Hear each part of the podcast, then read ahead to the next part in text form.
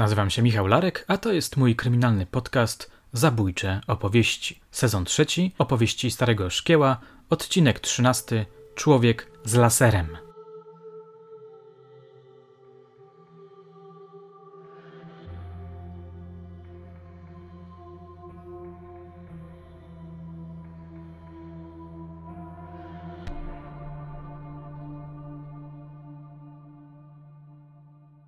Moje drogie, moi drodzy, dzisiaj przeniesiemy się do 2007 roku, do Szczecina. Rolę narratora Starego Szkieła odegra dzisiaj inspektor Marek Bronicki, który był wówczas zastępcą komendanta wojewódzkiego do spraw kryminalnych właśnie w Szczecinie. Nie wiem, czy kojarzycie tę sprawę, ale wówczas, 13 lat temu, było o niej całkiem głośno w mediach. Sprawcę nazwano snajperem. Ta historia ma dodatkowy smaczek. Inspektor w pewnym momencie, jak usłyszycie, zawiesił akcję i opowiedział o naciskach upolitycznionej prokuratury, które odczuł na własnej skórze. Zapowiada się zatem całkiem ciekawa historia. Posłuchajcie.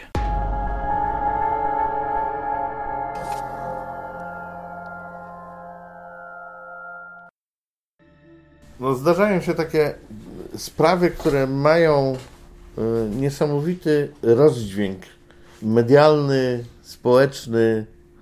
Y, I ta y, sprawa, która miała miejsce w Szczecinie, właśnie miała taki, mm, taki rozdźwięk, mm, gdzie tworzyły się takie typowo miejskie legendy. Sprawca, posługując się bronią, na początku nie wiadomo było jaką, celował do różnych ludzi taką psychologicznym y, elementem tego celowania do ludzi y, było używanie laseru przytwierdzonego do tej broni.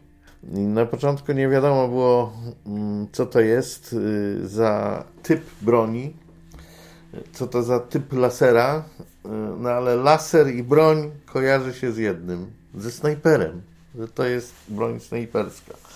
Później okazało się, że nie za bardzo snajperska. Rzecz naprawdę osiągnęła duży rozdźwięk taki społeczny. Prasa może nie podgrzewała tej atmosfery, ale przedstawiała jednak e, wydarzenia, ale wśród ludzi zaczęły krążyć legendy, że ktoś e, posługując się bronią z laserem, Y, napada na innych, strzela do nich. Pojawiły się y, nieprawdziwe pogłoski o wielu y, ukrywanych ofiarach i tak dalej, i tak dalej. A rzecz zaczęła się od tego, że jest takie miejsce w Szczecinie w tej chwili mniej może uszczęszczane, ale wtedy to było naprawdę uczęszczane. To było za czasów, kiedy budowano autostradę w Szczecinie, autostradę do Niemiec. Był taki przydrożny y, hotel, duży, obiekt taki duży, nazywa się Panorama, y, który ściągał ludzi różnego autoramentu. A szczególnie y, kierowców tirów, którzy jeździli na trasie ze Świnoujścia do Niemiec, do Berlina i tak dalej. Tam i dalej w głąb. I nie tylko do Niemiec, dalej też. I był popularnym miejscem, gdzie ci tirowcy się zatrzymywali, a tam, gdzie się zatrzymują tirowcy, tam się zaraz pojawiają panienki zwane tirówkami. Taka symbioza, która występuje nie tylko w Szczecinie, ale wszędzie. I pewnego wieczoru do dziewczyn, które tam przy drodze stały, podszedł ktoś, celując do niej z bronią, wyposażoną w ten laser, zażądał pieniędzy. No łatwy cel. Taka dziewczyna, łatwy cel. I jedna z tych dziewczyn, mm, która była matką, o ile pamiętam, jednego albo dwójki dzieci, nie, chyba jednego dziecka, nie wiem, czy to była dziewczynka, czy chłopiec, nie pamiętam, pracowała przy tej drodze właśnie na to, żeby utrzymać to dziecko. On zaatakował zażądał pieniędzy, które ona potrzebowała na utrzymanie swojego dziecka. Ona bardzo ostro zareagowała, wywołała scysję dość głośną, no i chroniący te dziewczyny człowiek e, zainterweniował, ochroniarz. I padł strzał.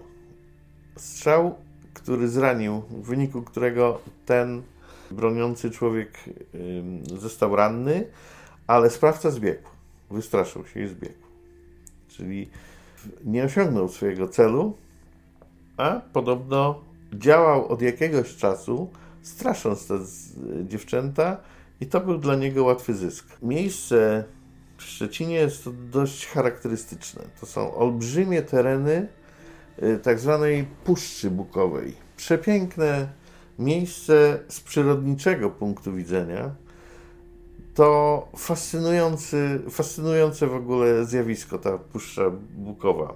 Ja wielokrotnie tam spacerowałem po tym lesie i, i zawsze mnie to fascynowało. Naprawdę piękne miejsce. Każdemu radzę, aby się tam kiedykolwiek znalazł. I to taka typowa dzicz, bo to jest y, rezerwat przyrody, no niespotykany w ogóle w skali europejskiej chyba. On sobie upodobał te rejony. Y, sprawa zac zaczęła być głośna, rozniosło się, no bo użycie broni w ogóle jest, jest dość zawsze spektakularnym wydarzeniem, które y, wywołuje no, wielką pracę policji i szybką. Po ustaleniach operacyjnych okazało się, że, że w tym rejonie, tej Puszczy Bukowej, działa ktoś, kto włamuje się często do, do domków, do y, właśnie używa broni, co było czymś nowym tam na, na, na tym terenie. I było jeszcze, o którym ja pamiętam, nie widziałem całości materiałów, jakie tam zebrano, było jeszcze jedno zdarzenie z y, użyciem broni, takim y, z, ze skutkiem materialnym, a mianowicie y, był pewien człowiek w czasie, powiedzmy sobie, posezonowym, który wchodził e, w towarzystwie e, kobiety do domku na działkach. Okazało się, że ten człowiek został zaatakowany.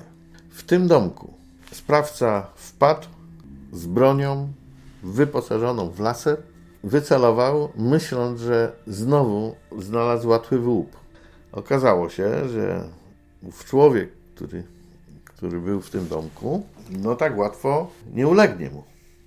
Był bardzo e, buńczuczny, odważny e, i ruszył na tego sprawcę. Trakcie szamotaniny padł tu, w wyniku którego został ranny ten właściciel działki.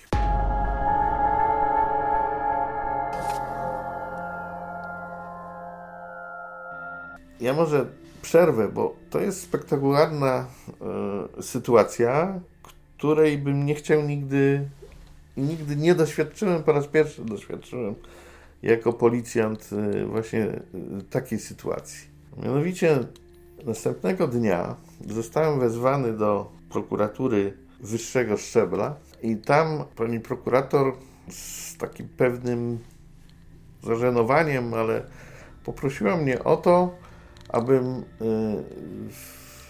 uruchomił czynności operacyjne, aby zebrać maksymalną ilość informacji na temat, no i tu moje zaskoczenie, nie na temat sprawcy, tylko na temat pokrzywdzonego, tego postrzelonego.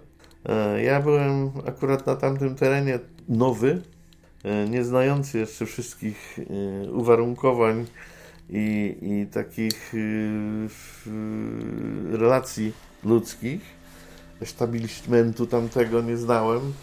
Po powrocie do jednostki zawołałem sobie naczelnika Wydziału Kryminalnego i się pytam, kto to jest. No i okazało się, że tym pokrzywdzonym jest rzecznik SLD na tamtym terenie. Niestety było to za okresu tak zwanego pierwszego PiSu. I wtedy ch chciano zebrać jak najwięcej informacji na temat swojego e, e, wroga partyjnego SLD, które właśnie straciło władzę niedawno. I dla mnie to było olbrzymim dyskomfortem, jeśli chodzi o taką, taką pracę zawodową. Ja do tego nie byłem nigdy przyzwyczajony. Nigdy nie działałem w kryminalnym i nigdy mnie żadne polityczne sprawy nie, nie interesowały. I tutaj byłem strasznie zniesmaczony i tych y, tak naprawdę y, nie kiwnąłem palcem w tym kierunku. Nic, kompletnie. Odmówiłem, że, że nie będę zbierał materiałów na świadka, na, na pokrzywdzonego tym bardziej. No ale fakt pozostaje taki, że, że taka rozmowa się odbyła, ona została cięta, no i nie byłem już pieszczoszkiem prokuratury od tego momentu. Ale to jest tylko taki e, epizod e, niemiły z tej sprawy, ale to jest epizod, który na tę sprawę zwrócił moją jakąś tam uwagę.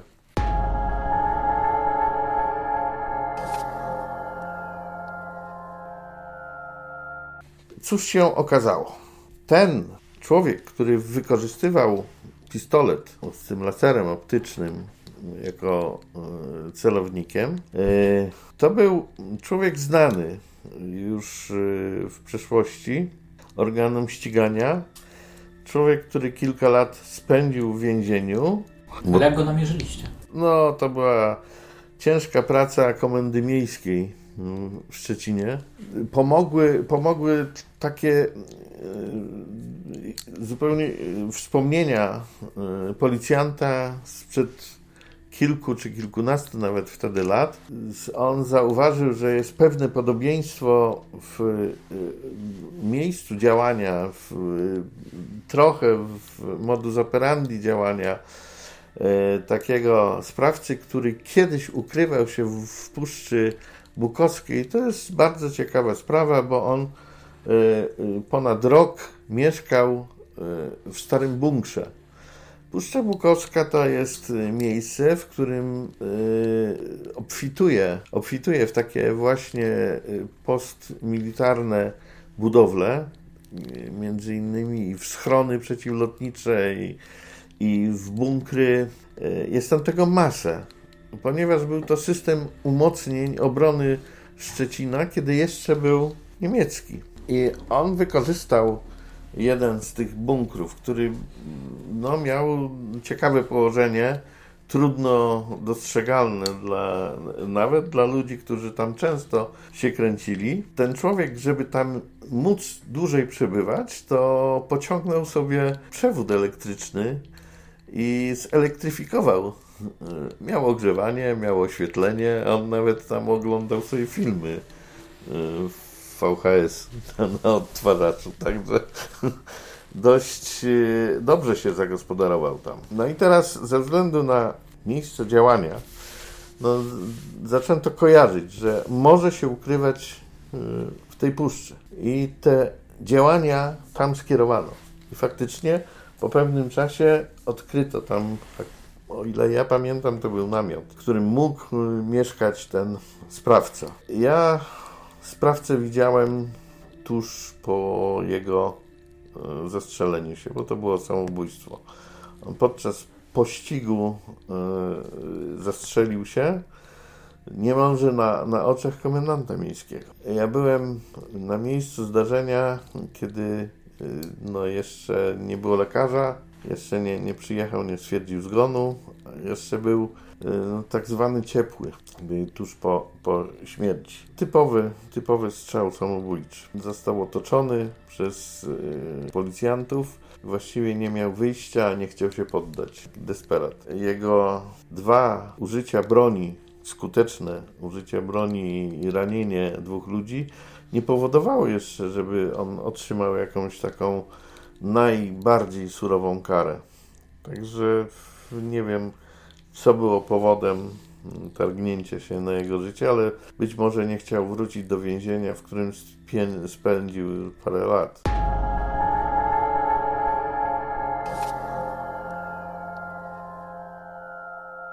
Wróćmy jeszcze na chwilę do 13 lutego 2007 roku, czyli do dnia, w którym snajper postrzelił pod hotelem Panorama opiekuna prostytutek.